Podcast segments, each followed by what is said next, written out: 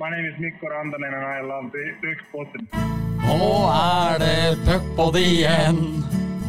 Nå er det puckpod igjen, og det er puckepod, pod, pucke, pucke, pod, pod.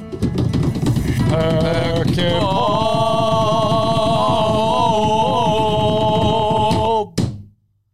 Der, vet du, Erik. Det var deilig å høre igjen nå. Det er mange uker siden. Ja, det er det. Vi har fått en del eh, kritikk. Eh, ikke så mye i offentligheten, men det er en del som har sagt at nå er det på tide.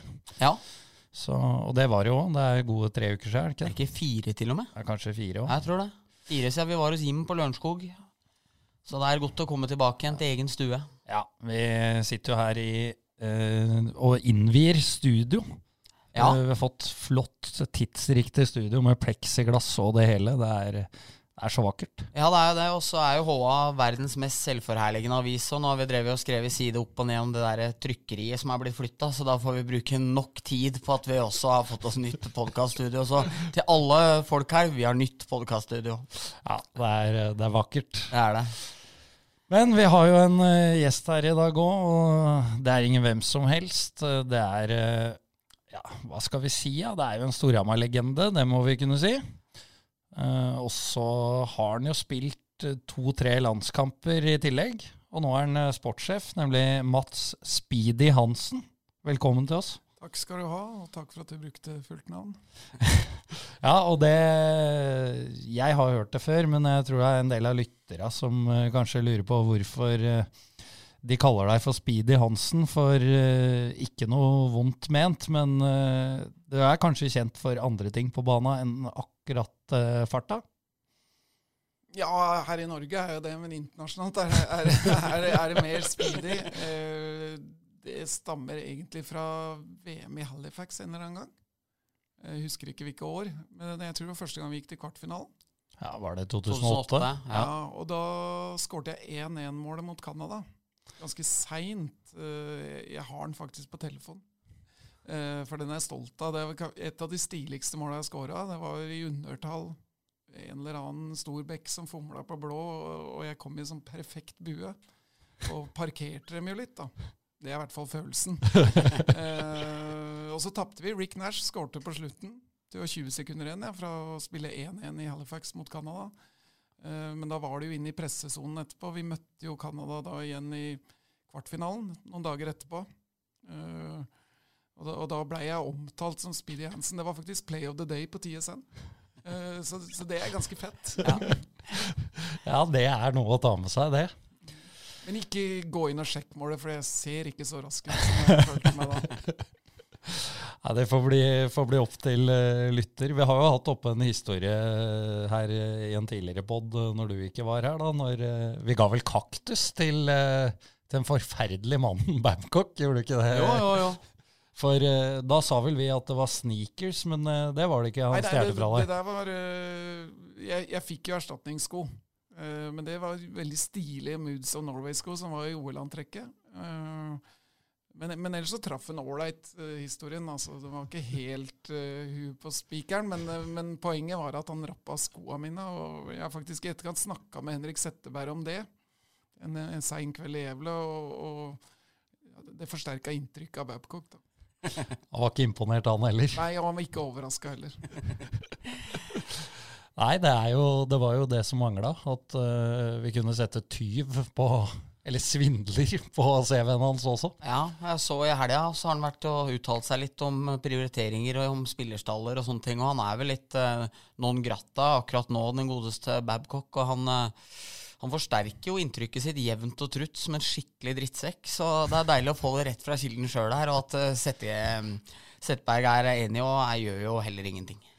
Det er fint å ha han med oss. Ja, ja. Han er enig med podden. Ja. og med Mats. Vi har fått inn noen uh, Twitter-spørsmål, uh, og en av dem er jo fra Der må vi jo si uh, en stor trener i Storhamar Yngres. Hatt utallige årganger. Anders uh, Kolba Kolbolen. Han uh, lurer på åssen erfaringa di med walkietalkie er. Eh, Ja, jeg har ikke veldig mye, men jeg har litt, litt erfaring sammen med Anders der. Vi var naboer her på og har vært tidlig tidlig 2000-tallet. Eh, bodde i hver vår 28 kvadratmeters leilighet rett oppi gata her. Eh, og det var jo på tida hvor du, du betalte jo for minutter du ringte. Eh, Så vi, vi gikk til innkjøp da walkietalkier eh, og dunka bare i veggen når vi ville ha en prat. da. Så, så vi, vi var på Toys R Us. Jeg lurer på om det var jeg som kjøpte det i innflytningsgave, for jeg bodde der først. Så, så det er nok bakgrunnen for det spørsmålet. Eh, Jeg må bare få skyte inn i og med at du snakker om tida der. Det, er, eh, det var ca. samme tida som du, Snorre Hallem og Geir Svensberget danna en eh, rekke, husker jeg. Som ble av Storhamar-avisa kalt De tre amigos, til tross for at eh, ingen av dere er spesielt mørke eller eh, er ikke noe latinoinspirerte. Men det var da navnet som ble satt på den rekka. Nei, jeg tror jeg må rette deg. Jeg tror det var Amfigos. Var det Ah, Ja, var det det, Hvis altså? du går i arkivet her og sjekker, så Ah, tror jeg det var Amfigos. Det var en veldig sånn artig Humor ordspill, på ja, navnet, På høyt, ja, ja. høyt nivå. Ja, skjønner. For jeg husker bildet i programmet. Da Ja, jeg hadde dere fått på sombrero. Da sto dere tre med sombrero Ja, for det, i kampprogrammet. Ja, for jeg bare begynte å tenke på det i går når jeg skulle gjøre litt forberedelser, at det er liksom ingen av dem som er veldig mørke, og ingen med noen store barter eller noe sånt. Men, så er det derfor, men Amfigon eh, er jo, da er det jo innafor. Jeg tror det var Rune Steen som gjorde intervjuet på Romedal løpebane. Og hvis noen har tid til å lete i arkivet, så har jeg for meg at vi ble enige om ikke stramme. For Vi skulle ta et bilde i bar overkropp, og det gikk vi litt naivt med på. Ja. Mens jeg og Snorre stramma. Og Geir kom sånn medium ut av bildet, mener jeg husker. Ja, det er klasse. Og når vi da er inne på dette med bar overkropp, så har vi jo et Twitter-spørsmål eh, på det også, fra Stein Erik Stormoen, som eh, jeg bare finner igjen i notatene her. Der. Hvor komfortabel var du egentlig med å bli servert druer av en naken Per Åge Skrøder i forkant av et eh, hockey-VM? Ja, men Den var morsom. Det var et av Stockholm-VM-ene. Jeg, jeg husker ikke hvilke. Det gikk jo litt bedre det ene enn det andre. Men det der var eh, medical team. Bøy ofte på litt sånne morsomme stuntreportasjer på fridager for å holde, holde det oppe. Så det, det blei jo lagd en sånn VG-film rundt oss, for vi, vi er jo hjemgamle og har vel, delte vel egentlig rom fra U16-landslaget til vi var 35, så vi hadde nesten 20 år i, i dobbeltseng. Eh, men de lagde en ganske drøy versjon først, som ble vist til laget. Det var eh, Jon Aas, eh, Ole Foss og Lars-Erik Borgersen, tror jeg, som lagde den. Og veldig bra respons fra alle. Og Så ville VG bruke den, og det syntes vi var for drøyt, så vi lagde en light-versjon med VG. da. Men jeg var ikke veldig komfortabel. Jeg så han la ut bilde av det, og, jeg så ut som jeg ofte gjør på bilder. Veldig ukomfortabel. Vi får vel spole litt tilbake, Bendik. Hansen kom jo til eh, Storhamar i 99, hvis jeg ikke husker helt eh, feil. Uh, og nå skjønner jeg ikke hvorfor jeg dro inn deg, for jeg hadde Nei, ikke tenkt å spørre deg. Nei. Men hvorfor havna du på Hamar, Mats? Eh, Jeg var med landslaget i oppkjøringa da. Jeg tror Smithørst var klar. Eh, Jeg hadde veldig lyst til å bytte klubb, eller var vel ganske klar for å bytte klubb. Jeg hadde vært i Manglerud, det var veldig bra, men brødrene Trygg skulle videre til Ferjestad. De var viktige for meg. Og så eh, blir det jo som det blir på samlinger. Man snakker om klubbvalg osv., og, så og, så fikk jeg muligheten da. og så ja, jeg følte meg moden for å flytte på meg. Det var mye som stemte bra. Leif Borch var landslagstrener og, og anbefalte meg Storhamar òg, da. Så det var ikke så mye mer enn det. Men jeg var opptatt av å gå videre i karrieren, på en måte. Da ble det de tre Amfigos, var det det? Var Naturlig det det nok. var? Naturlig nok.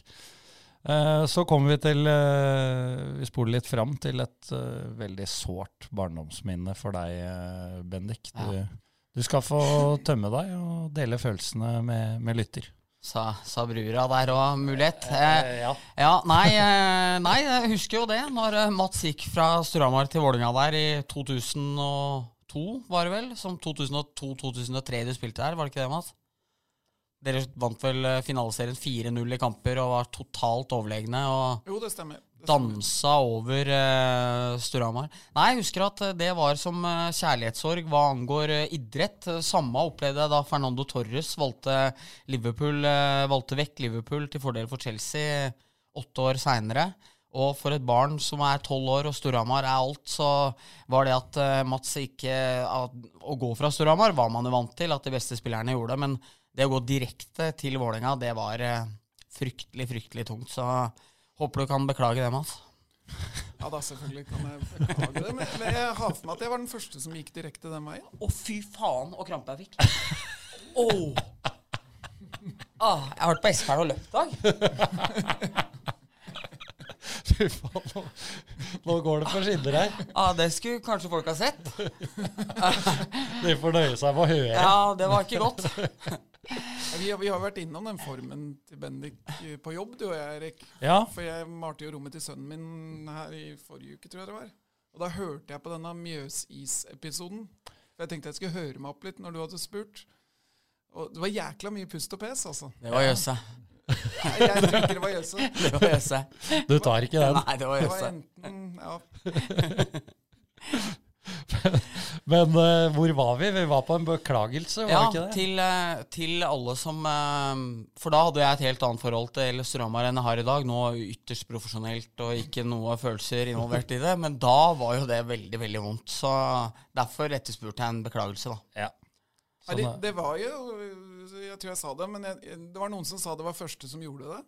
Uh, ikke at det hadde noe med saken å gjøre, men det var spesiell tid, for jeg blei jo boende på Hamar. Jeg hadde jo jobb på Ajer ungdomsskole.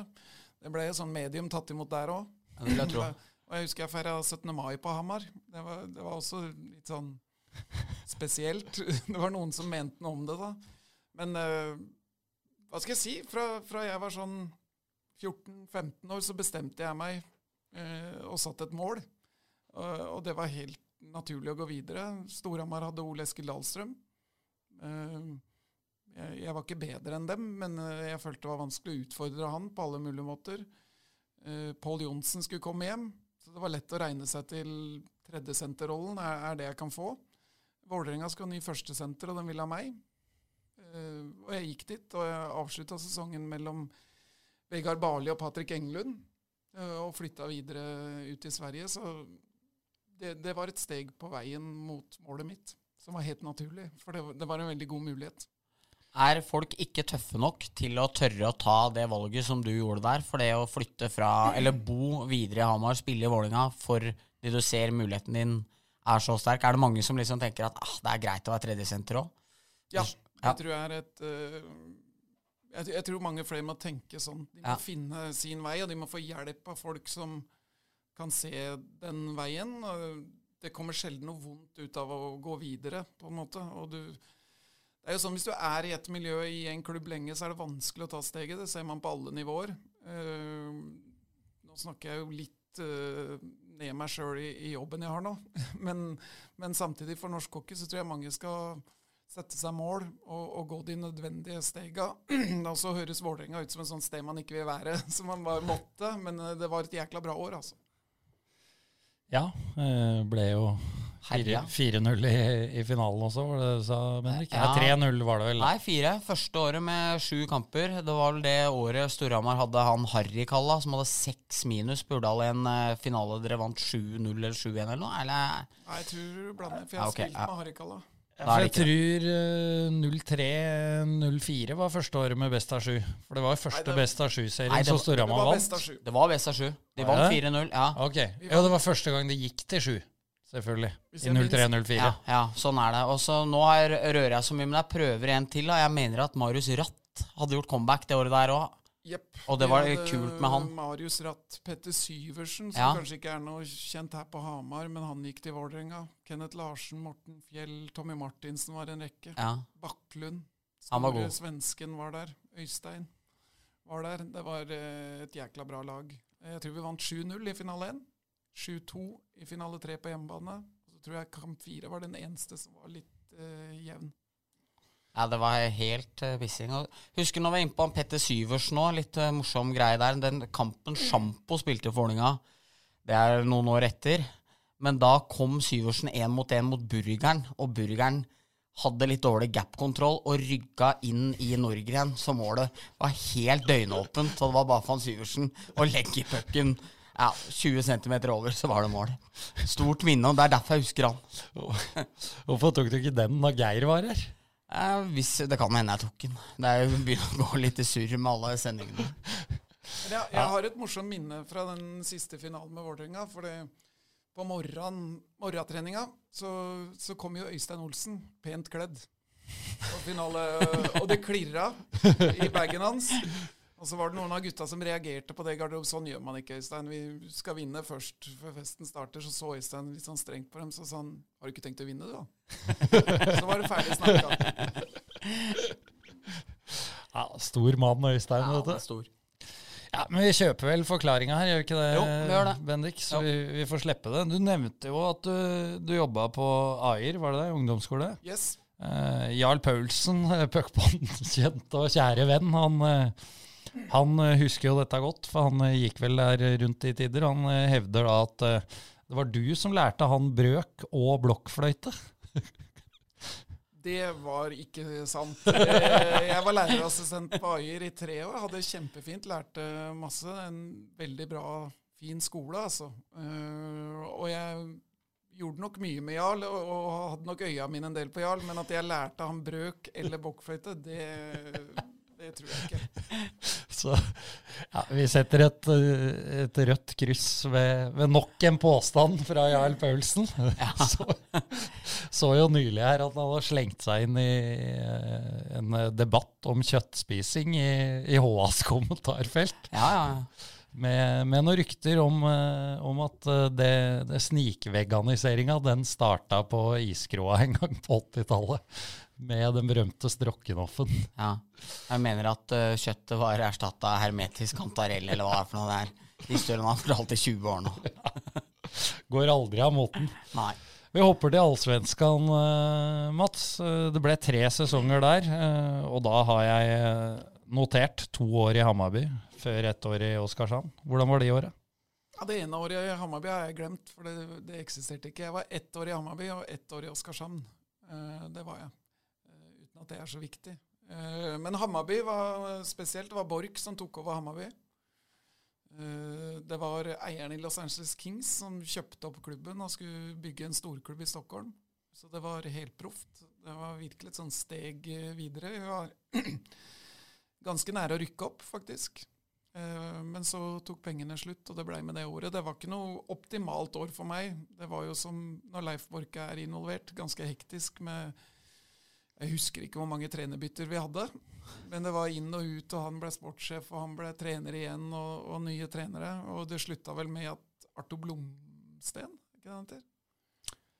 Det er i hvert fall en som heter det. Arto Blomsten tok over eller laget og informerte meg om at jeg var utlending og skulle produsere, og hvis jeg ikke skyndte meg, så kunne jeg reise til VM.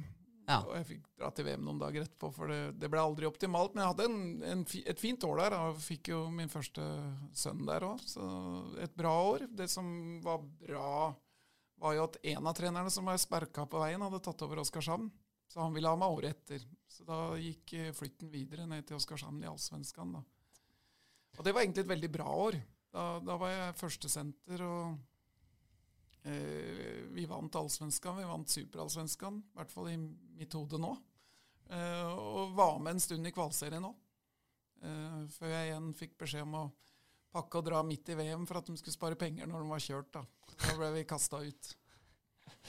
Ja, så har jeg snakka med deg når vi har møttes eh, på jobb, eh, om, eh, det når du kom eh, tilbake til Storhamar. Hvis jeg husker riktig, da, det er mulig dette var et annet punkt i karrieren, men da får du rette meg. Eh, når du da kom tilbake til Storhamar etter åra i Sverige, så var du vel litt inne på tanken om blir det noe her? Har du i hvert fall sagt til meg en eller annen gang. Hva, hva tenkte du på nå? Og blir det noe av karrieren, eller skal jeg gjøre noe oi, annet? Oi, ja, sånn, ja. Eh, Det har du helt uh, rett i. Da, da ga jeg vel sånn mentalt litt opp. Den uh, SHL-drømmen jeg hadde eh, skulle vente om vårt andre barn, da. Eh, så det, det, det er jo noe ansvar som kommer med det. Jeg begynte å studere litt. Eh, jeg skrev en treårsavtale, men hadde sånn hadde noen klausuler i, i det mellom sesongene. Eh, og så gikk det veldig bra. Eh, dere nevnte det før vi gikk på her, men Patrick Jetman kom inn. Det blei litt sånn eh, hånd, hånd i hanske og, og flyt med en gang. Jeg husker vi var i Skjøvde på en turnering i september, tror jeg. Og, og, det var vel allerede klart der at det kom til å bli forandring neste år. da. Så, så det var et uh, år som bare rulla på sportslig. og Veldig sånn spennende å følge den prosessen når det var, var masse interesse. da, og, og, drømmen liksom var rett foran nesa på det. Det var et brukbart år, eh, Bendik. 05-06. Hansen med 67 poeng. Gjettmann man like bak der. Ja, det var helt sjukt. Det var uh, nå, nå, føler jeg at vi sier bare feil hele tida her. Men satte ikke Mats rekord i best pluss minus òg gjennom tidene i Eliteserien det året, med 40 pluss eller et eller annet sånt òg, Så um, i, I, frykt for å bli tatt på noe mer faktafeil nå, så sier jeg ja. ja. Sånn var det. Ja, sånn var det. Nei, jeg husker jo det, at den rekka gikk jo på vannet, og det laget vant serien med 30 poeng. og, og tapte semifinalene mot Vålerenga. Det er vel Og Når Christian Tygesen limer den oppi hjørnet der i eh, kamp fem, blir det vel, da, på Hamar. Det er eh, også et veldig vondt barndomsminne. Ja, det var bare vonde ting i barndommen, høres det ut som. Ja, du har ikke mye gode minner med, med Mats, du.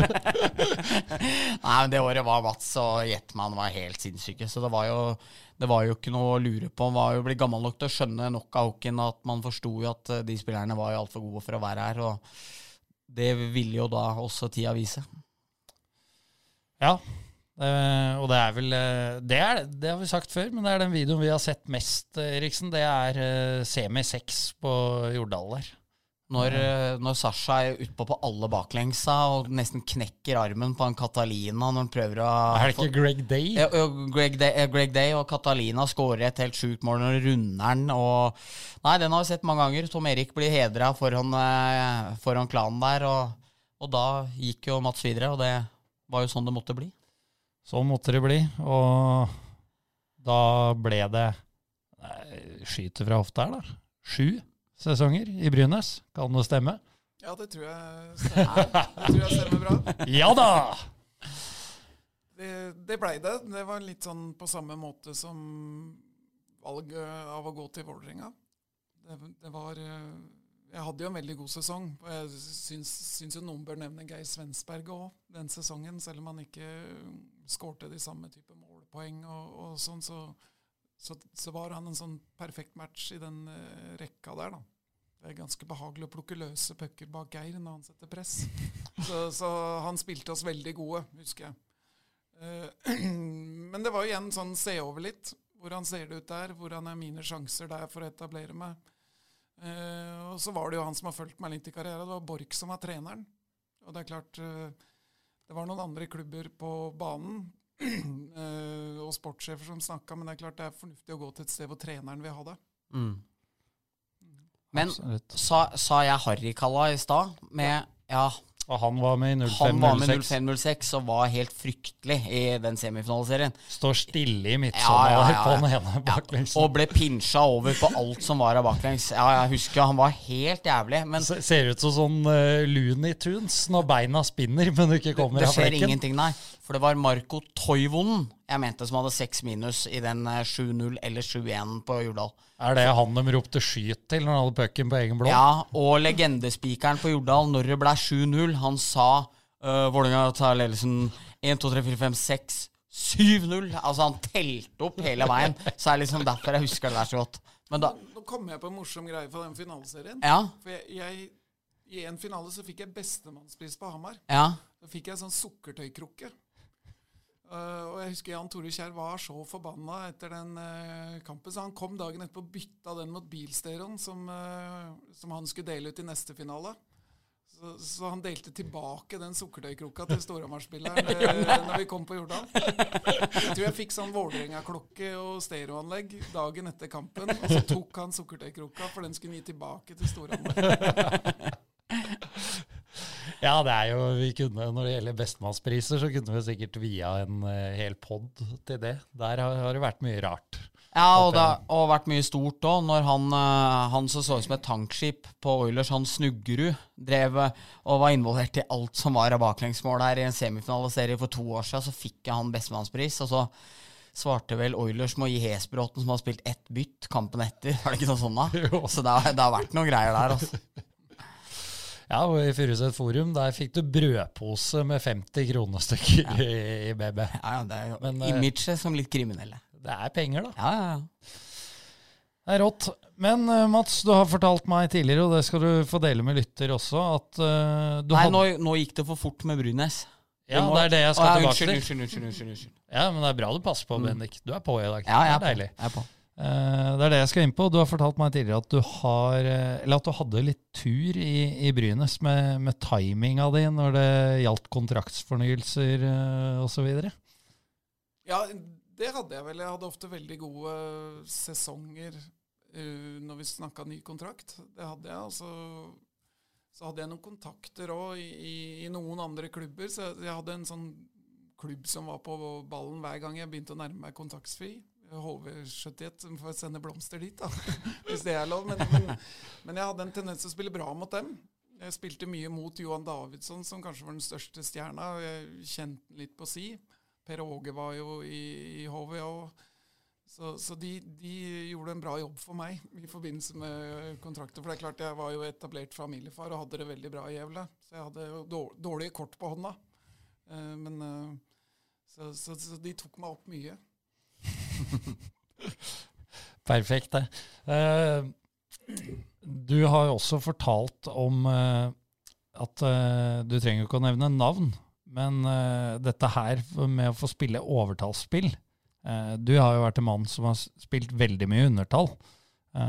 Og du fortalte meg en gang om spillere som bevisst kanskje spilte litt svakere i, i boxplay hvis de var i powerplay-skorpa der, for at de ikke skulle bruke opp istida i undertall. Vet ikke om det ringer noen bjeller. Jo, jo men det, det er jo sånne merkelige ting som eksisterer. Det er jo fine folk, men kyniske mennesker som skal tjene penger på dette her. Og, og vi er jo ulike, men, men jeg vet jo om uh, NHL-spillere som får beskjed av agenten sin om å spille dårlig undertall. Fordi de, de skal prioriteres i overtall. Uh, og det er jo sånn som kan irritere deg litt når du konkurrerer med en spiller, og det er attraktivt å spille, spille overtall, og så, så vet du at han liksom ikke yter sitt beste i undertall, men, men så kynisk kan denne verden være òg, altså. En liten uh, brannfakkel det der, Eriksen.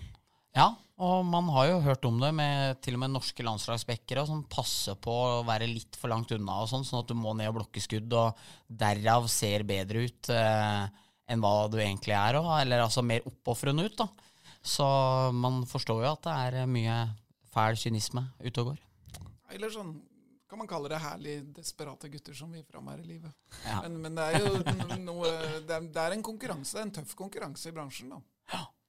Ja, men det, det bryter jo litt med det derre Altså, eh, nå mener jeg ikke at vi skal fjerne det helt og slutte å prate om det, men man snakker jo mye om det samholdet som er i, i mange lagidretter, men eh, spesielt i hockeyen. Da, det derre hvordan man er som én gruppe.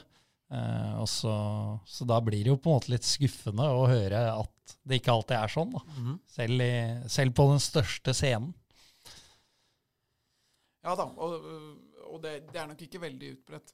Men, men det forekommer nok i, i mange lag, og, og hvis man titter godt etter hvem som bytter klubb ofte, eh, og, og tilsynelatende har fine papirer og høye, gode tall, så, så, så bør det jo ringe en bjelle, da. Hvis- man går inn på disse sidene og, og, og ser at det har vært sju-åtte klubber på seks år, men det er veldig fine tall, da, da er det ofte noe som skurrer. Det er godt å høre sportssjefen si det òg. Ja, ja, Da er det kontroll. ja, her er det full kontroll. Eh, Anders Blegeberg eh, spør eh, Du fikk jo eh, debuten da i SHL når du var 27. Det er ikke mine fakta, så det er ikke vits å arrestere oss på det. Orker de unge i dag å holde ut så lenge som, som du gjorde, da?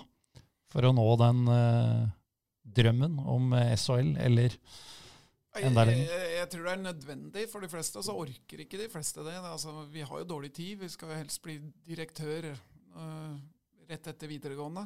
Uh, men det tar tid å bli god uansett hva du driver med. Uh, og Det er klart det er mye fokus på Martin Ødegaard og Rasmus Dahlin og, og disse supertalentene, men dem er unntaka. Uh, de fleste er 25 pluss før de debuterer for norske A-landslaget, eller bidrar. Eh, og så er det også på, på proffnivå, da. Jeg har jo sett en del unge nordmenn dra ut, komme hjem, for så å dra ut igjen. Men eh, det er voksne ligaer der ute for voksne folk, og så er det noen unntak som får veldig mye oppmerksomhet. Så det er nok nærmere normalen enn mange tenker. Eh, og det tar tid å bli god, altså. Ja, det, det vet Det vi vet vi alt alt om. Det, vi- det gjør vi. Vi har ikke lagt opp enda, Bendik. Nei, nei, nei. Så drømmen lever, Drømmen sier lever, ja. eh, sportssjefen. Så er det bare å trene sommertrening. Ja. Eh, vi må kanskje snakke litt om eh, landslaget. Det, du var jo med på en reise der òg, i løpet av de eh, 15 åra drøyt vi fant ut at eh, du var med. Ja, det var, det var uh, morsom, morsom reise. Det høres ut som jeg har vært med på, på sånn reality-TV når jeg sier det. Men uh, jeg var med første VM i, i St. Petersburg, hvor vi klarte oss greit. Vi slo Canada. Eh, og så var jeg med å rykke ned året etter i Tyskland. Men det var jo en sånn eh, rebuild, hvis vi skal kalle det det, i, i landslagstroppen. Det hadde vært jobba godt med isbjørnprosjekter og isbjørnlandslag. Så vi bygde jo sakte, men sikkert opp, men brukte veldig lang tid i BVM eh, før vi, før vi rykka opp til dette Riga-VM-et og, og etablerte oss ordentlig. Og det er klart det, er, det var flott å spille i Brynes, og det, det var en kjempefin tid, det. Men hvis man skal plukke ut noe sånn man, man er skikkelig stolt av, så er det jo det vi fikk til med landslaget. Altså vi, vi var direkte kvalifisert til Sotsji-OL, Vancouver-OL, tre kvartfinaler. Vi, vi var det laget som var nærmest uh, Finland i, i Slovakia-VM. Og Vi tapte en kvartfinale med litt uh, tvilsom dømming, mener jeg å huske. Så, så det vi fikk til der, var, var ganske rått, altså. Ja, ble jo en uh, seier over uh, Sverige også, fikk du eh, med deg. Den må ha smakt uh, brukbart. Jeg kan si at Det eneste jeg sitter igjen med etter den kampen, det er jo at jeg surra bort en to mot null, faktisk. Ja, for den skulle vi komme inn på, den, den to mot nullen. Jeg klarer ikke glede meg over den seieren. For det, kunne vært meg. Men jeg fikk et for bra tilbud når Staffan Kronvall tror jeg var fomla på rødlinja. Og jeg kom fri, men så hadde jeg med meg Skrøder. Og du må jo bruke Skrøder, da. Så klart. Eh, og jeg brukte den dårlig. Men vi vant, og det, det var selvfølgelig morsomt. Men det hadde vært veldig morsomt å, å spille hovedrollen akkurat der, sånn egoistisk sett. Det må jeg innrømme. Ja, men det er eh, ja. Hvem er vi til å sitte og melde? Men eh, jeg syns det var en bra to mot null. Det ble nesten et skudd på mål òg. Var ikke så langt unna. Nei, det var nære. Det var nære. Jeg husker ikke. Husker det, ikke. burde, for- det jeg burde ha gjort i ettertid, var å gå over blå, stoppe og gi pucken til Per Åge og rope 'gjør det sjøl'. Det hadde vært det eneste riktige. Men jeg, jeg skjønner deg litt òg, for kommer du i en to mot null, så du kjenner jo på den derre Jeg må jo spille. Og i hvert fall i ditt tilfelle når du har med deg en målsnik av rang, da. Jeg kan love at Skøder ropte. Ja, Det kan jeg gjøre. ja. ja. Det, det endte jo godt, så, så, så den er eh, grei, den. Eriksen, Mm. du uh, passa jo litt på meg i stad, og det skal du få fortsette med. Er Mm. det eh, noe mer vi skal ha med Ja. noe av det vi har vært gjennom Jeg her? syns vel det, når vi har en svensk mester fra Brynes, som det laget som Mats var med og spilte en viktig rolle på da. Kan du ikke fortelle litt om Dere hadde jo da mange yngre spillere også, som kom opp akkurat samtidig. Hadde en vanvittig sterk generasjon. Og det laget dere hadde, hvordan, hvordan var det både det å vinne én ting, men hvordan var det å være med på den utviklinga som Brynes hadde akkurat da? Jeg tror ikke man merker det helt når man er med på det. Nei. når de kom. Men det er klart, jeg hadde jo en, en litt sånn mentorrolle i laget som var uttalt ganske tydelig. Så jeg, jeg spilte jo på en måte alle unggutta inn, og, og slapp dem videre etter ganske kort tid. Eh, men det er klart, Jernkrok, Silveberg, Ekholm, Johan Larsson, Anton Redin, som er kaptein der nå, det, det var veldig mange Det var vel sikkert åtte-ni egenproduserte spillere under 21 år som kom opp, og, og på en eller annen måte Vi, var, eh, vi kom vel på fjerdeplass i serien det året, eh, men som pika til de grader. Og med han Jakob Silveberg Det syns jeg alle skal gå inn og se på YouTube og finne highlights fra det sluttspillet, for det Jeg har ikke sett uh, maken. Nei, det var sjukt. Har du mye kontakt med storfiska i dag, da? Nei, Jeg har jo blitt han der som prøver å Nei da, jeg har, ikke så mye Jakob Silveberg har jeg god kontakt med fortsatt. Eh, Vi, vi hadde god kontakt der. Det var eh, er litt spesielt. Han er jo mye yngre enn meg, men Kanskje jeg prøvde å være litt ung og hipp, og han, han er litt gubbete. Men det er klart, eh, der hadde vi fin klaff med min kone og hans kone og, barna og alt. Så, så, de har jo vært og hilst på og pleier å treffe på sommer og sånn. da. Så han har jeg kontakt med. Ellers så, så, er det mer sånn høflig, hyggelig, morsom prat med noen. Men det er klart, sånne ting svinner jo litt med tida. Men det er veldig ålreit når man møter dem. da. Det er morsomt. Prøve å få han til å runde av eh, karrieren kanskje med et lite Hamar-år.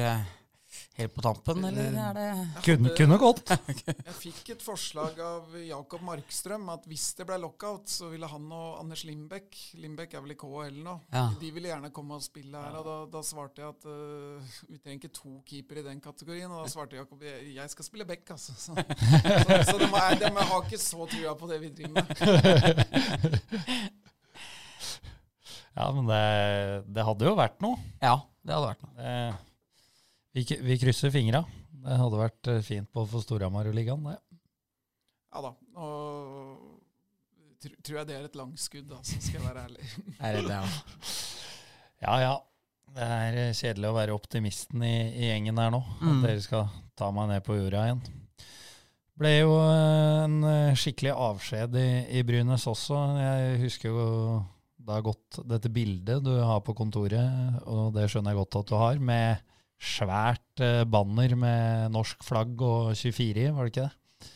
Jo, det var supporterfeltet var liksom et helflagg. Det er klart man fikk jo Det er jo mye utskiftninger i klubber, og jeg tror jeg hadde en sånn profil som supporterne likte. Man, man hadde ikke tenkt seg noe sted. Man var, hadde på en måte nådd målet og skulle gjøre det beste av det man kunne der. og, og det er som her, så skal jo de fleste videre, og mange har høye mål, og så fort det går bra, forsvinner de. Men det er klart, jeg blir jo en sånn lojal uh, arbeidshest da, som ble satt veldig pris på det. Så morsomt, og morsomt at folk uh, Gjevle er jo hockeyby. altså på, Jeg vet at Hamar og Sparta kaller seg hockeybyer, men det er klart Gjevle er noen hakk over, altså. Eh, så, så, det er stas å holde kontakt med byen, og litt sånn kjipt å ikke få vært her og holde det ved like, for det, det er stas. Ja, jeg har jo ikke det er jo ikke overflod av eh, norske spillere som, får, eh, som blir takka på den måten i, i, utenlandske klubber.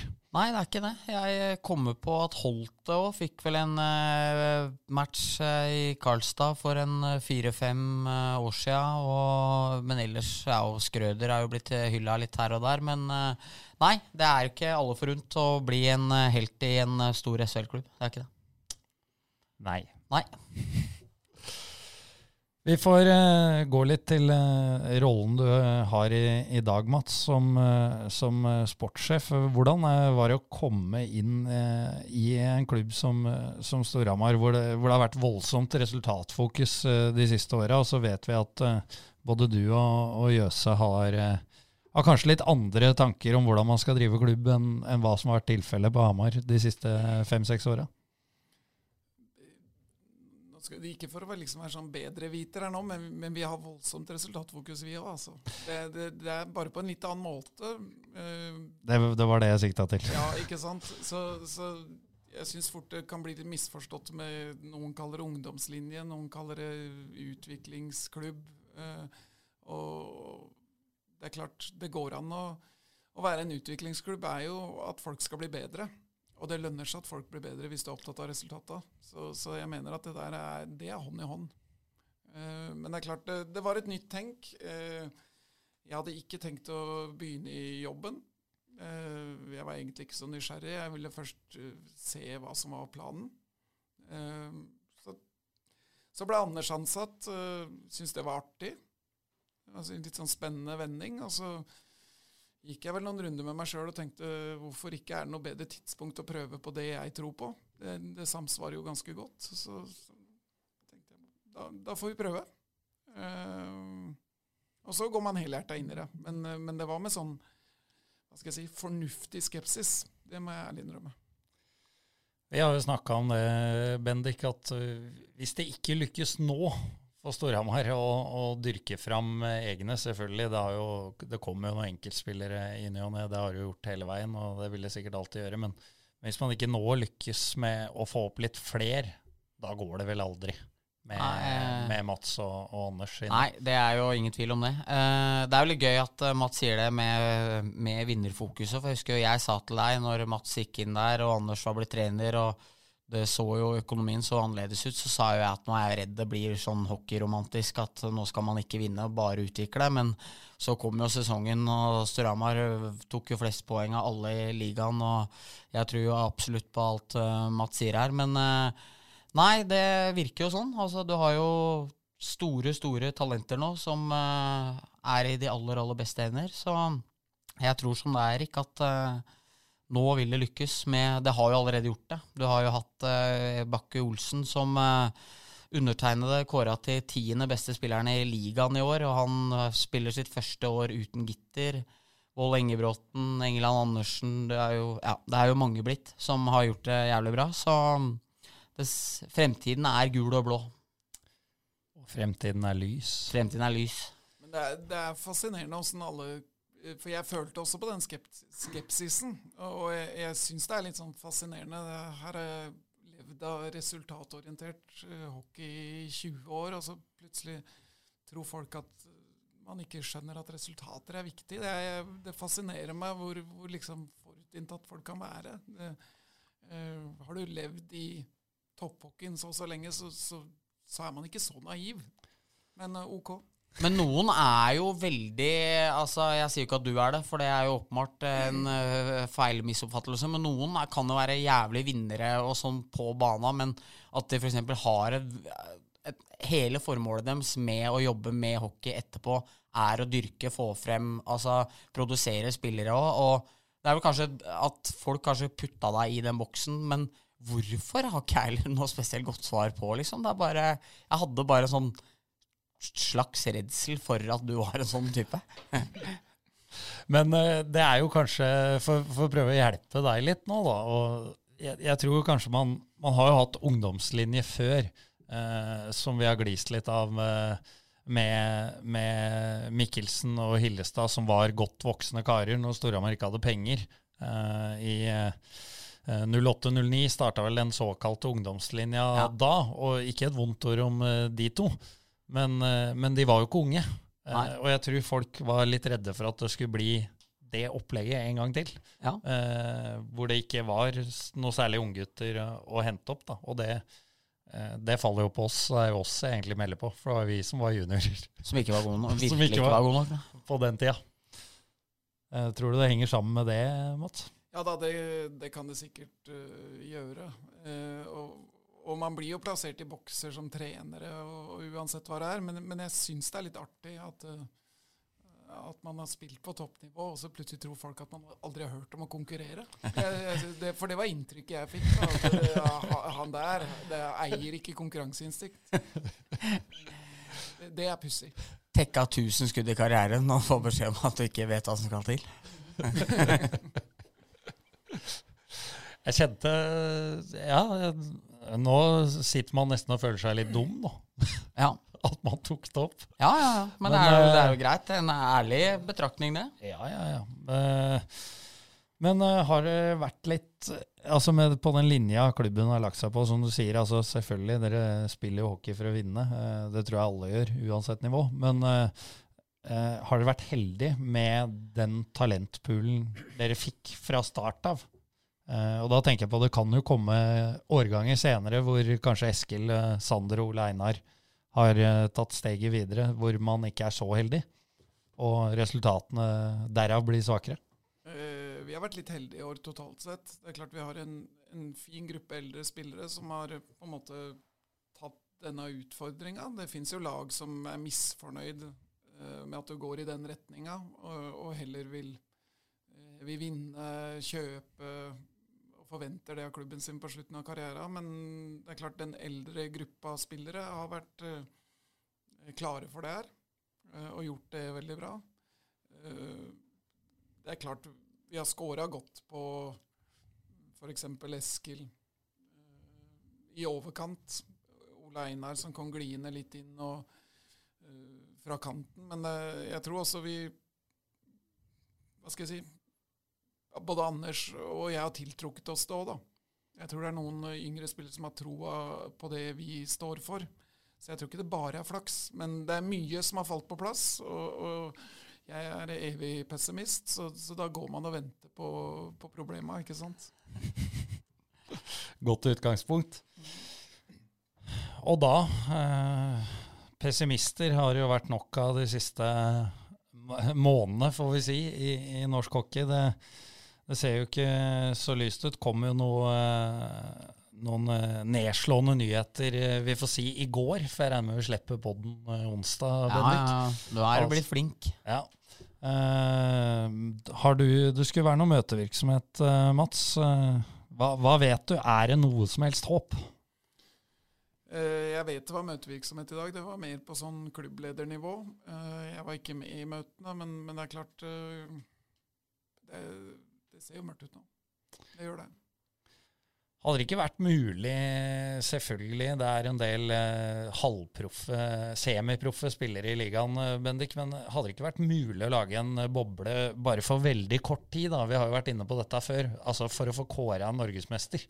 Jo, eh, det mener jeg, men eh, det virker jo ikke å være så lett. Nå ser jo at flere og flere flagger jo ut i fotballen. Kommer jo Spania blir antageligvis full av norske fotballag nå. Eh, så da kan du, hvis det er noen muligheter i Marbella, eller noe sånt, så må du gjerne dra åtte lag ned der og spille to ukers playoff. Men eh, nei, jeg ser ikke at det er noen mulighet i Norge. Det virker ikke som at myndighetene ser på hockey som viktig nok til at jeg tror at det er aktuelt i det hele tatt. Dessverre. Ja, det, er, det er jo nitrist, da. Ja, det er det. Andre året på rad uten, uh, uten, playoff. Nå er det jo herlig playoff-vær ute ja, ja, også. Det er ordentlig playoff her. Men uh, jeg tror ikke det blir noe i år, gitt. Nei, nei. Det, sånn kan det gå. Sånn kan det gå.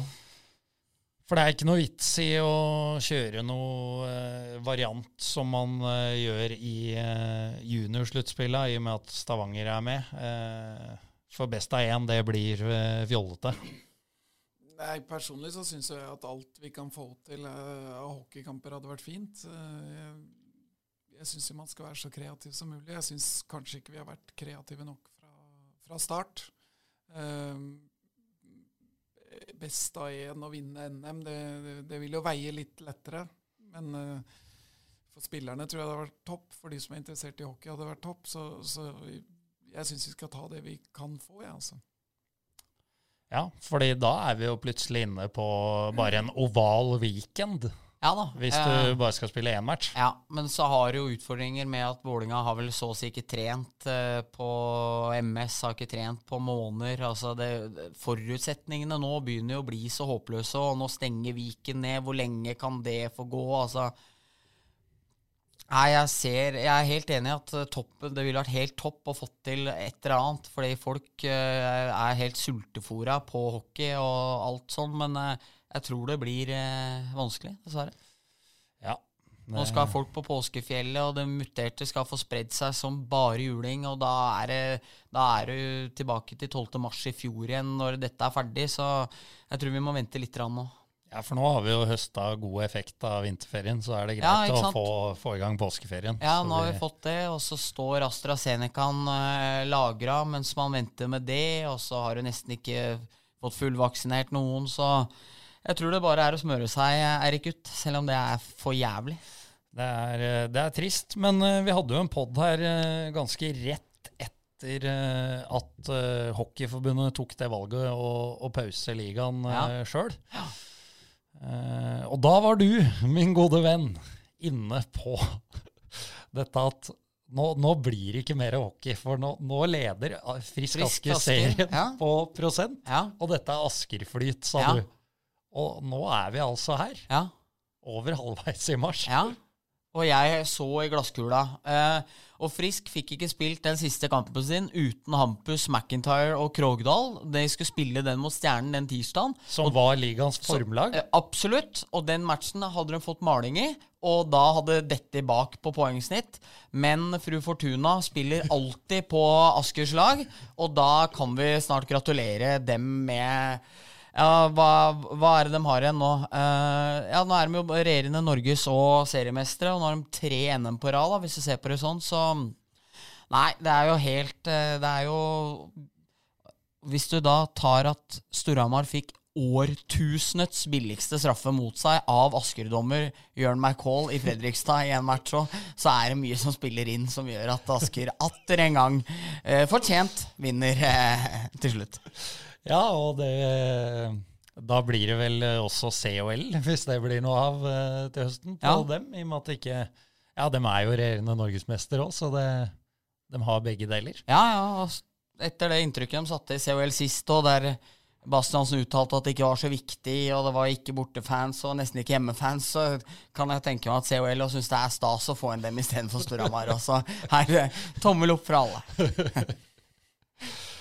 Ja, og øh, vi må gå litt tilbake, enda lenger tilbake i tid, Bendik. For vi var inne på dette i høst med hvor viktig det var i denne sesongen å vinne eh, matcha mot båndlaga. Ja, det har vi jo vært flere kan ganger. ikke rotes bort poeng mot f.eks. Manglerud. Nei. Eh, og nå eh, blir man altså nummer to fordi man rota bort en ledelse hjemme mot Manglerud. Ja. Tapte de siste to periodene 7-1. Ja, men i løpet av en serie så blir du Du gir bort matcher mot dårlige lag, og du blir bortdømt en kamp, og sånn vil det alltid være. Så er det jo selvfølgelig leit at eh, man kan sitte nå og peke på den og den matchen, men over to 23 matcher så er det jo tilfeldigheter at Frisk antageligvis da, eller eh, Frisk kommer foran på poengsnitt, men eh, Det er ikke tilfeldigheter. Du sa det var fullt fortjent. ja, ja fullt fortjent. Og, og, og litt lite uflaks. Så Nei, men sånn blir det jo. Frisk kan jo sikkert sitte og si at av den og den matchen så burde vi ha gjort det og det, dem òg, ikke sant. Så ja da, jeg er enig i det Det er ikke så lett. Det er jeg helt eh, enig i. Vi får eh, spole tilbake til eh, da uh, Storhamar 2 fikk beskjed om at eh, eh, dere skal ikke være i første div eh, lenger, og det er jo en, en avgjørelse vi har forståelse for, Bendik. Og bøddelen sitter jo i rommet her, så da Bøddelen sitter heldigvis bak pleksi, så vi, Ja. er, vi er nok trygge akkurat i dag. Men uh, eh, vi har fått inn Twitter-spørsmål på det, Mats. Eh, eh, du skal jo ha sagt i, i den vendinga her at eh, U18 og U21-ligaen var bedre i liga enn førstediv. Og det, det lurer Vegard Bekkevold på eh, hva du mente med. Ja, det, det der har, kommet opp en del ganger, og, og øh, det, Jeg sa det på ingen måte på den måten. Jeg er ganske flink til å ordlegge meg når det kommer til å få fram poenget. Eh, men så er det sånn eh, at hvis noen vil vri på det, så får de jo til det. Og det har jo blitt en sannhet. Det som ble sagt, og Eirik, du var i møtet, så det er veldig fint, du er min gissel her nå, men det var at U18 og U21 er en bedre utviklingsarena enn å være i det førstedivisjonslaget vi hadde. Det er ordrett det jeg sa. Det hadde jeg forberedt på forhånd, og det husker jeg klokkeklart. Og jeg vet like godt som alle andre at eh, Ringerike er langt bedre enn Skien U18. Eh, så hvis noen tror at jeg ikke vet det, da må de tro om igjen, og kanskje eh, gå litt i seg sjøl. For dette er noe som er skapt av noen andre. Det er fordi du ikke har konkurransehode, Mats. At du, du, du tror at Skien U18 er bedre enn eh, Ringerike. Ikke sant? Så det, det er uh, igjen en sånn rar ting som blir et fakta når, når folk ikke får det som de vil. Og det er ikke retta mot dere. Og jeg husker jeg snakka med mange i gruppa etterpå som spurte om det, og, og da kunne jeg svare ordentlig. Men uh, hvordan det ble vridd, og, og av hvem, vet jeg ikke. Men antageligvis av en litt hårsår, misfornøyd kar. Jeg føler jo at dette her har blitt en sånn kjempeoppreisning for Mats her i dag nå, Bendik. Han får retta opp inntrykket skikkelig her. Ja. Du på Nå- den derre 'You raise me up'? Eh, Kan ja. du få den som bakgrunn? Ja, ja, vi kan ordne det. Det hadde vært hyggelig. Ja, nei, men, nei, men jeg òg er jo enig i det at de premissene som var for det førstedivisjonslaget, var jo altfor dårlige. Trente tre ganger i uka, trente fra ni til ti på kvelden. Folk prioriterte annerledes. Det var jo, det var jo håpløst. Så er jo, jeg syns jo diskusjonen da var jo mer interessant rundt hvorvidt det laget, hvis det hadde fått fullbyrde sitt potensial, altså at i løpet av eh, neste året, Erik, så skulle ikke jeg og du, som da var relativt eh, viktige spillere på det laget, heldigvis være gode nok lenger, og at man skulle fylle opp og etter der, det var jo det For min del hadde ikke noe problem med å forstå at du ville kutte ned et lag som hadde 10-12 spillere på trening, og folk ikke ville trene oss lenger. Det var jo ikke noe stress, liksom. Men det var jo det jeg syntes var mest interessant der. Hvordan man eh, så på bra drevet førstedivisjonslag kontra å ikke ha det i det hele tatt. da. Når man, viste, når man sendte spillere til Gjøvik og andre førstedivisjonslag året etter. Nei, og, og det er jo egentlig ganske sånn enkelt. Hvis du skal drive et uh, topp førstedivisjonslag som trener uh, opp mot 21 timer i uka, som er arbeidskravet for å kunne liksom komme noen vei, så er det jo klart uh, Da må det være et apparat rundt. Det må være en trener som kan sitte med video på dagtid. Eh, det hadde vi ikke råd til. Vi var et hav unna å, ha råd til det, og da er det jo bedre at eh, Håkon Eng, Mathias Holst Jensen er hos Martin Borch i Ringerike og, får det tilrettelagt for seg. Eh, det var masse bra hockeyspillere der som kunne vært gode, og vi kunne sikkert overlevd som en båndklubb, men det er klart å ta opp en ung Eskil Bakke Olsen eh, og spille han inn i seniorhockey via ja, klokka halv ni til halv elleve på kvelden tre dager i uka, det, det sier seg sjøl at det ikke er noen god idé.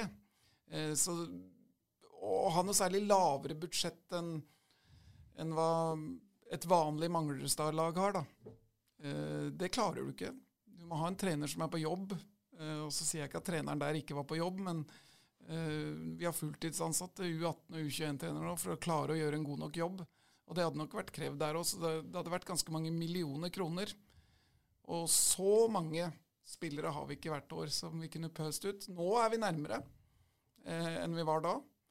Eh, og vi har vel Jeg satt faktisk og telte på det. Vi, jeg tror vi har en 13 Storhamar-gutter som har kommet opp de siste åra, som er ute i førstedivisjon. Så det begynner å nærme seg at det, det ligger der, men det er ganske mye penger som skal på bordet. Ja. Og et par ishaller ekstra kanskje også. Ikke sant? Så det var rett og slett altså I perfekte verden så har vi jo et uh, profesjonelt trenerteam som jobber med, med de neste i første divisjon. Selvfølgelig vil alle ha det. Ja, Det er ikke vanskelig å forstå der. Nei, da landa vi den nå. Det er uh, vakkert. Og da må vi se videre. Vi tar et uh, Twitter-spørsmål. Uh, har, eh, om du har vurdert å, å bytte navn. For uh, selv om du har hatt en langt større idrettskarriere enn eh, navnebroren din, så, så må vel kunne si at han er hakket mer profilert i, i riksmedia.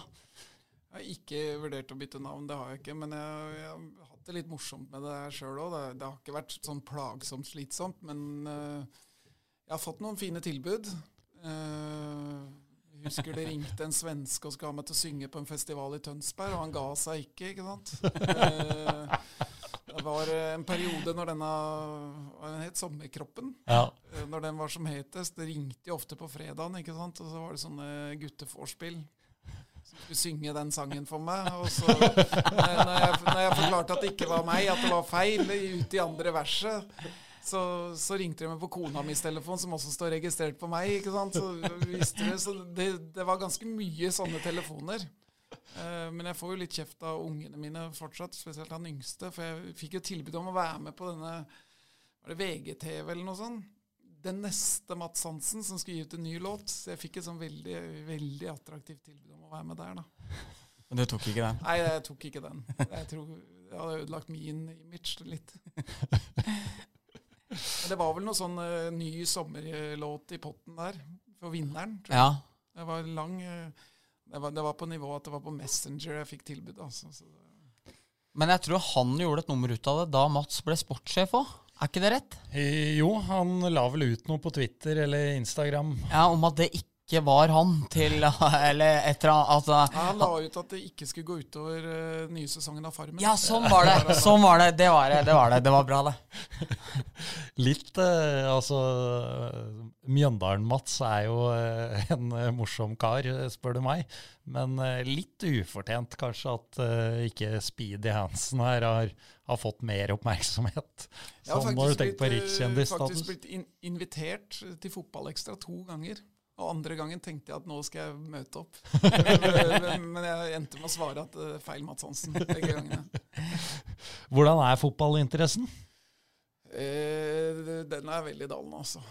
Eh, Fulgte med mye før. Eh, Koser meg med VM. Eh, EM gjør det ikke helt for meg. Eh, ellers må jeg si jeg, jeg er litt sånn eh, Jeg liker det HamKam driver med om dagen. Jeg har litt trua på at de skal bygge seg opp eh, her nå. Eh, det hadde vært morsomt. Eh, men jeg, jeg, på en eller annen måte så liker jeg norsk fotball. Jeg syns det er morsommere å følge med på det enn andre. Jeg syns egentlig alt er ganske stusslig og kjedelig rundt fotballen, så, så hvorfor ikke norsk, da? Så jeg, jeg syns det er morsommere å følge med på norsk enn en internasjonal. Ja, vi eh, har eh, gitt deg et oppdrag på forhånd. Denne gangen tok jeg saken i egne hender, eh, Bendik. Du, det er du som har ordna alt i dag òg? Ja, fordi du I dag er det din gjest. Ja, det er din venn. Det er min, Min bekjent og din venn. Din bekjent. Ja. Er vi enige? Vi er enige. Ja, jeg er jo helt Ja, enig. ja. Eh, du har jo en historikk med at du ikke alltid minner gjestene på det de skal forberede. Så Mm. da har jeg gjort det. Eh, Mats, du skal få dra din eh, drømmefemmer. Altså, det er jo, jeg skjønner ikke hvorfor vi stadig vekk kaller det femmer, for det er jo alltid en sekser. Det er jo en keeper òg. Ja, ja. drømmesekser, de beste du har spilt med. Vær så god. Ja, vi, det, det gikk ganske fort. Jeg diskuterte litt med barna hjemme, for den, sånn er jo litt morsomt. Eh, men i mål er det jo Jakob Markstrøm. Det er ikke noe Han er eh, topp fem i verden nå, eh, i Calgary der. Og, og han kom vel opp som 17-åring, bodde rett borti gata mi, og jeg kjørte han mye til og fra trening. Det er utrolig morsomt å, å følge hans vei. Og, og det han gjorde, det var jo han som redda oss i kvalserien med Bryne som 17-åring. Det var helt enormt. Eh, så han er helt åpenbar. Eh, Bekker har det vært litt eh, jevnere. Vi må ha med Mathias. Eh,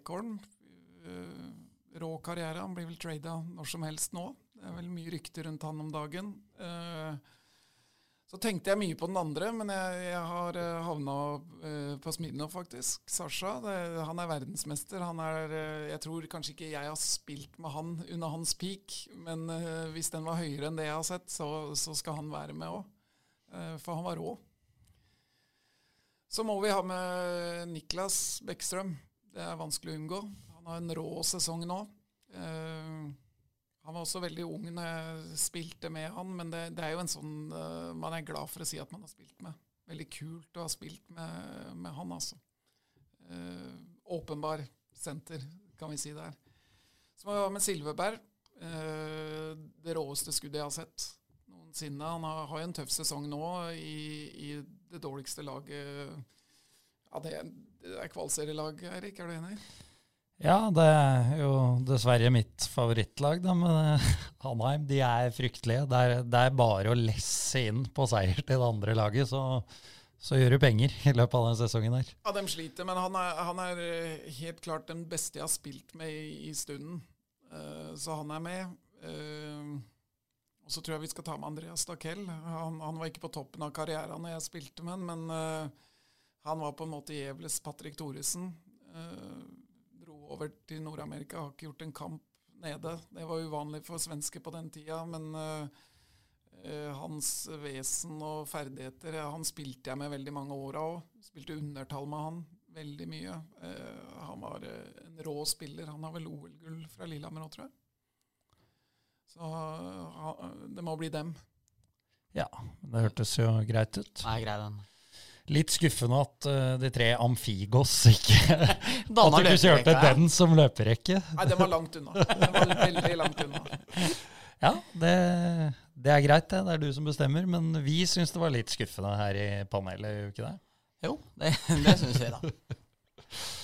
Skal vi kjøre noen uh, andre faste spalter da, Bendik? Ja, Tenker vi kanskje at du skal uh, by de glade lyttere på en liten eh, røver, hvis du har kommet på noe? ja jeg har uh, sittet og tenkt på det. Det var dum som ikke sa før vi begynte at nå må jeg få både litt input og nå må jeg tenke nøye her igjennom. Jeg har falt på en, en kjær venn som heter Bjørn Ivar, men jeg er usikker på om jeg har fortalt den før. Men uh, om jeg har det, så er det lenge siden, og vi spiller ikke inn episoder så ofte, så folk kan ha glemt. Men uh, Bjørn Ivar uh, gikk jo på Børstad ungdomsskole og, og senere på Ankeren, og hadde jo sine store disiplinære problemer hele skolen igjennom, akkurat som undertegnede. Så Bjørn Ivar ble lessa i hallen, der liksom var trener for skolehockeyen og sånne ting. Sto i mål. Eh, hadde null å tilby som trener, egentlig. Så det var spill og sonespill. Litt uh, skudd og ja, veldig, veldig enkelt. Og så var det en dag det var uh, konkurranse til slutt på en fredag. Det var en Litago til vinneren, og så samla han alle på mållinja. Og så sa han at det er om å gjøre å komme nærmest den blå linja, eh, og legge pucken dit. Og så sier Adrian Sakserud Danielsen av Volle, som vi må gratulere med kontrakt i Sheffield i dag, at uh, hvem av de blå linjene er det vi skal legge uh, pucken på? Og da Bjørn Ivar sier det er bare én blå linje på isen, din idiot. Uh, det var det jo ikke. Eller hvor mange blå linjer er det på isen, sa han. To. Ja, den er nærmeste. Ja.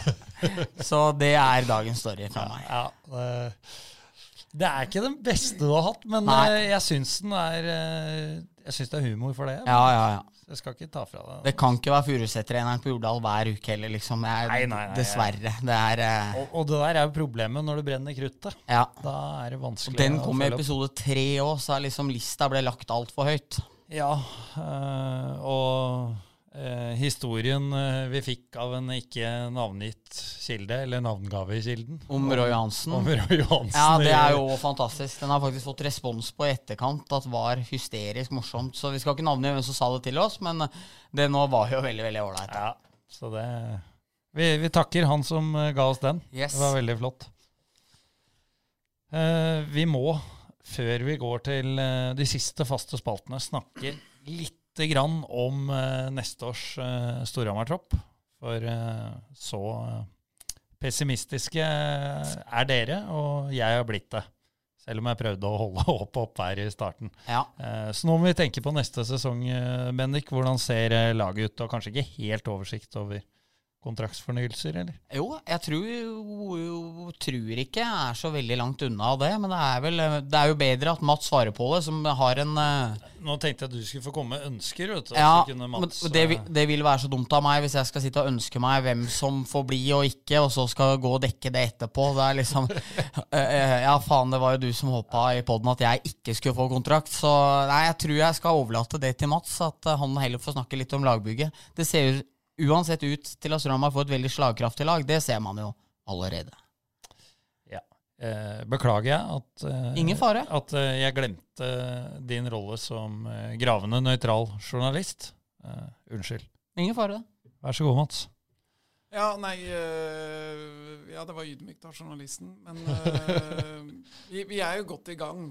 Eh, det er ganske tidlig. og vært veldig sånn usikker situasjon på mange måter. Men øh, vi må jo skynde oss litt nå framover. Men jeg syns vi ligger godt i gang. Og ser man opp mot konkurrentene våre òg, da. Eh, det er klart laget har prestert bra i år. Eh, det kommer til å være ganske likt. Vi kommer til å bygge videre på, på det vi har i aller største grad. Altså, det kommer til å være mye som ligner på årets lag, men, men noe utskiftninger vil vil det bli. Og så må vi få ta dette i, i ro og mak, og det er et kjedelig svar. Men uh, det er klart, alle kan ikke være med videre hvis vi skal gå videre. Uh, og da må de få, få gode forklaringer uh, i forkant. da. Hvor, vi, en ting vi aldri har gjort i podden, vi har liksom ikke bleika noen spesielle nyheter, men hvor nære er dere å signere en ny kontrakt med Jakob Lundell Noer? Er vel Altså, hvor nær er man det? Vi, vi er vel så nære at Jakob har det fint på Hamar og har lyst til å være her. Og vi syns Jakob er en fin gutt som er flink til å spille hockey når han er frisk og har lyst til å være her. Så, så da er man vel Det er vel et veldig godt utgangspunkt, i hvert fall. Jeg var nemlig og vraka en bil på Grønvolls bilopphuggeri i dag, og dem er faddersponsoren til Jakob. Og der plutselig var det litt nyheter å plukke opp midt i vraken der, så derfor eh, tenkte jeg måtte teste lykken her nå, om det er, eh, om det er så nære som var, eh, som jeg fikk eh, lite tips om der. Ja, nei, men det, vi, vi må jo være litt forsiktige. Storhamar har hatt det turbulent, og det har vært en del regler om, om pengebruk osv. Så, videre, så vi, vi prøver å, å jobbe litt sånn med systemet i klubben. Hvordan kan vi bygge langsiktig? Eh, og, og Jakob eh, har jo passa inn godt, så vi får håpe det går eh, fort med mange spillere framover nå, da. Men vi må gjøre det litt i riktig rekkefølge. Bendik, når eh, Mats snakker på potensielle utskiftninger, så har vel du et lite håp om at eh, Chris Crane eh, skal komme tilbake til Hamar, har du ikke det? Jo, det er han og Newton vil jeg gjerne ha i første PP-et neste år. Nei da. Nei, det er som vi snakka om i stad. Jeg tror jeg og alle andre som bryr oss om Hamar-idretten og er opptatt av Storhamar, syns det er greit at eh, sånne nødløsninger eh, er man ferdig med, og at det er proffe folk som sitter og styrer eh, på toppen. Og mest sannsynlig så er den siste Chris Crane henta på en god stund. da. Ja, det er positivt. Det tror jeg er positivt. Eh, Det blir ingen tilsvarsrett på den godeste Crane i denne podden. Nei, men han fikk ikke noe særlig kritikk heller nå. Eller han fikk, han fikk bare beskjed om at vi kanskje har sett den siste han, og det har vi jo. Det er riktig. Eh, og da går vi til uh, de faste spaltene Ukens kaktus og Ukens uh, kvast. Bendik, du bestemmer hvem som skal begynne, og hva vedkommende begynner med. Oi, takk. Eh, jeg bes da bestemmer jeg faktisk deg, Eirik. Og så gir vi ris først. Vi gir ris først. Ja, da Da trekker jeg litt nordover, i, og da nærmere bestemt Narvik. Eh, sett noen uttalelser derfra eh, den siste tida. Eh, de tar jo til orde for uh, bl.a. at det skal være tolv lag i, i Fjordkraftligaen neste år. og, og lanserer vel diverse andre løsninger òg. Det er mulig jeg blander litt kort med supportere her, men, men det får så være. Poenget mitt er det. Nå ble man enig om hvordan man skulle løse det hvis det ble stopp i serien før sesongen. Jeg skjønner at Narvik trodde ikke at dem skulle være sist på den tabellen. De trodde nok at de hadde noe bedre lag enn eh, det det viste seg at de hadde. Men da kan vi ikke komme med det nå, at det er urettferdig at de skal rykke direkte ned på poengsnitt, når de har lavest poengsnitt, hvis det nå ikke blir noe kvalserie. Nei. Dritsynd for norsk hockey hvis vi mister eh, innslaget fra Nord-Norge. Alle syns det, men regla var vi enige om. Mm. Og da kan vi ikke si at det passa dårlig fordi Gryner ikke kom sist, Nei. som alle trodde. Nei. Nei, helt enig. Så beklager eh, alle hockeyfans og Narvik, men hvis det nå ikke blir noen kvalserie, så må dere ned. Mm. Eh, og sånn er det. Og jeg er enig med deg, Erik. Det er, eh, Narvik er det mest innbringende for en eh, journalist. Det er døgntillegg, og det er alle mulige eh, varianter. Og det er gjerne litt skjenk, og det er altså så jævlig fin tur. Så det er jo helt vanvittig synd. Og så får du Sjongshallen, presserommet, er styrkerommet. Du sitter bak to bjelker, du ser ikke en dritt. Det er iskaldt. Det er et helt jævlig. Så jeg er jo helt enig med deg at det er jo negativt, men regler er regler. Og Narvik har selv vært med på det der, og da kan du ikke, som du elegant sa det, bli skuffa fordi du trodde du skulle komme over Gryner, eh, når du ikke har klart det. Dessverre. Nei, og bare legge til der òg. Altså, det snakkes om skulle De skulle arrangere playoff òg, uten å være kvalifisert. Så de, de har prøvd litt varianter nå. ja, de, de snakker også om det at de har møtt topplag eh, flere ganger Ja, Storhamar videre. fire ganger, eksempel. Ja, Sånn er, men sånn er det jo. ja, ja, og det, det er jo greit nok. Det er ingen som benekter det at de har møtt flere gode lag enn Gryner. Nei. Men igjen, man ble jo enige om en måte å lage tabell hvis man ikke nådde eh, de kampene man skulle og ønska å nå. Mm. Og det gjorde man ikke. Og da er man sist, da. Mm. Uh, ja, som du sa til meg her eh, i går, eller når det var. Fint for Gryner at de nå havna i disse karantenene hele Ja. veien. Så Så de fikk eh, færre matcher, for det kan jo hende poengsnittet deres hadde synket. Ja, mest sannsynlig.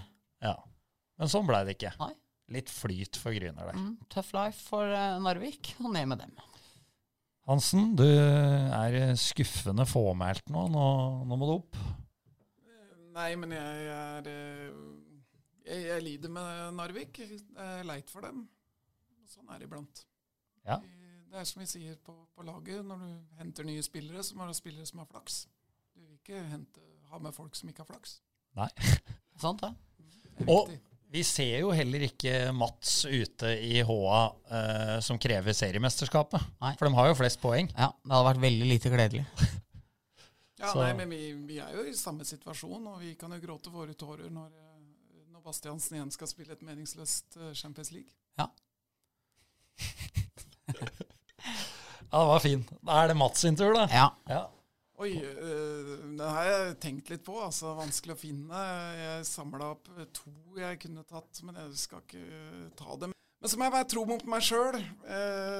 og hver gang jeg skal dele ut en kaktus Det er jo første gang, da, men jeg har bestemt meg for det. Da skal jeg sette den pent utafor Løvbergs lille arena.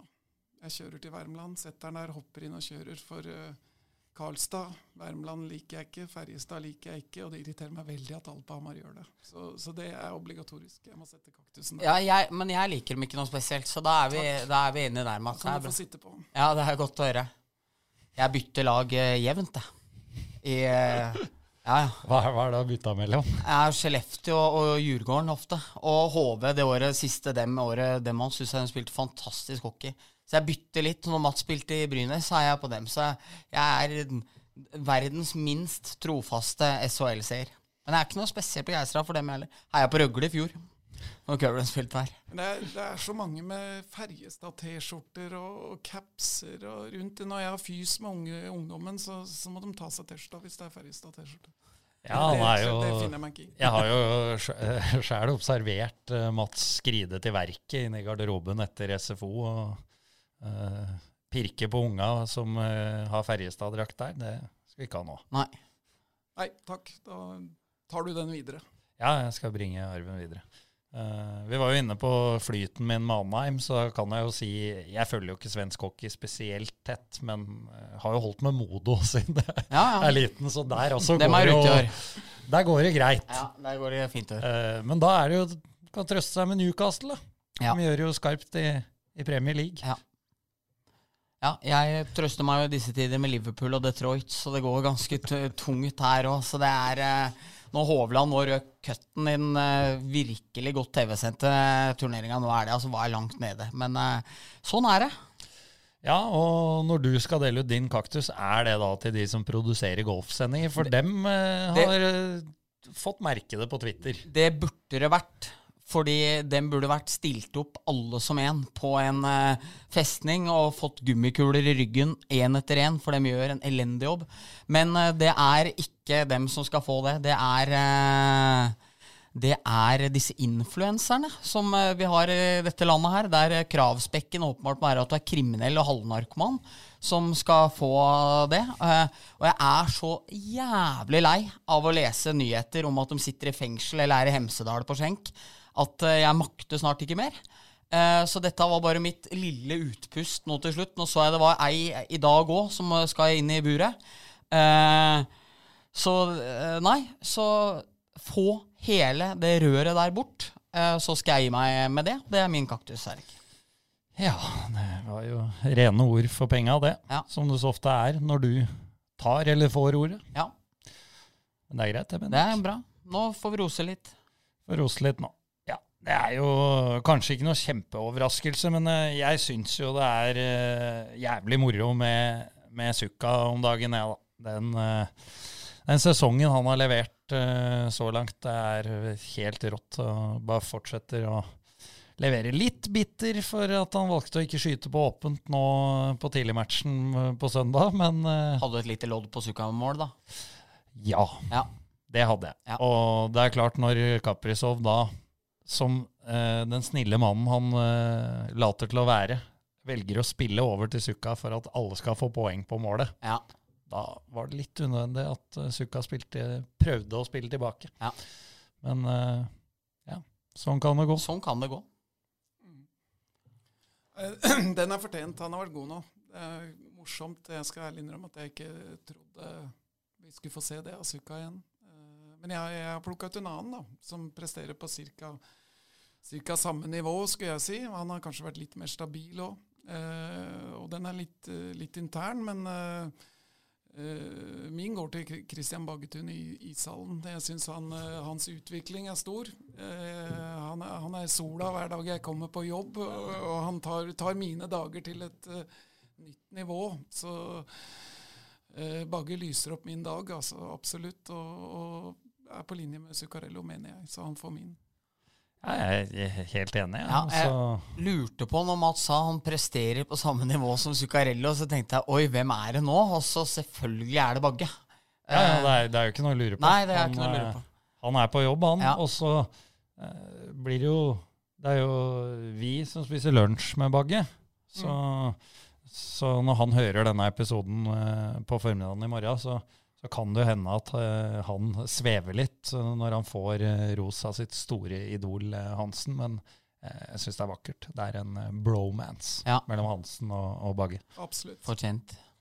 Ja, eh, da var det meg til slutt. Eh, litt Kanskje litt kjedelig Kjedelig ros, men var på Storhamar-trening i går. Jeg har ikke vært i hallen på godt over en måneds tid. Den intensiteten og den kvaliteten som Storhamar fortsatt gidder å holde opp, eh, holde oppe med tanke på hvor langt unna det egentlig har vært å spille noen kamper nå, syns jeg har vært eh, eksemplarisk. Så i mangel på en bedre eh, rosebukett nå, så får Anders Jøse, Patrick Thoresen og hele koblet ta den. Det var kjedelig, men sånn får det bli. Nei, ja, men jeg er enig med deg. Det er Tross eh, sånn det er, så er det, det er godt humør i gruppa, og gutta er punsje. Så det er moro å se.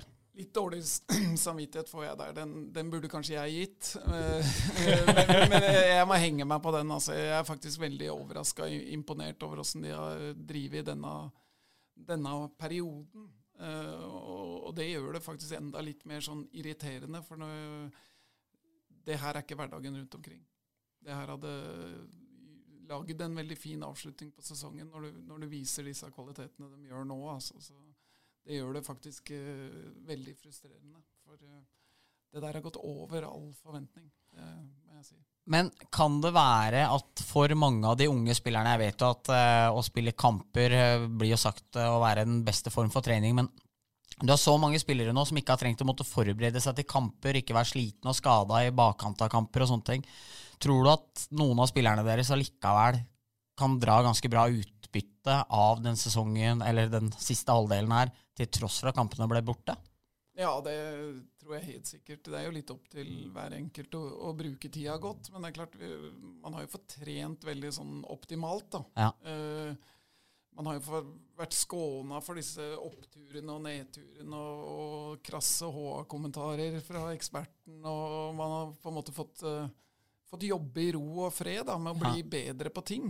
Med å utvikle spillet sitt. Uh, så det er klart, det her har vært uh, veldig nyttig for mange, og også for en del eldre, tror jeg. Å, å kunne balansere belastninga nå kan gjøre at de, de kan holde litt lenger, faktisk, òg, i, i karriera. Så det er ikke sikkert at dette bare var negativt.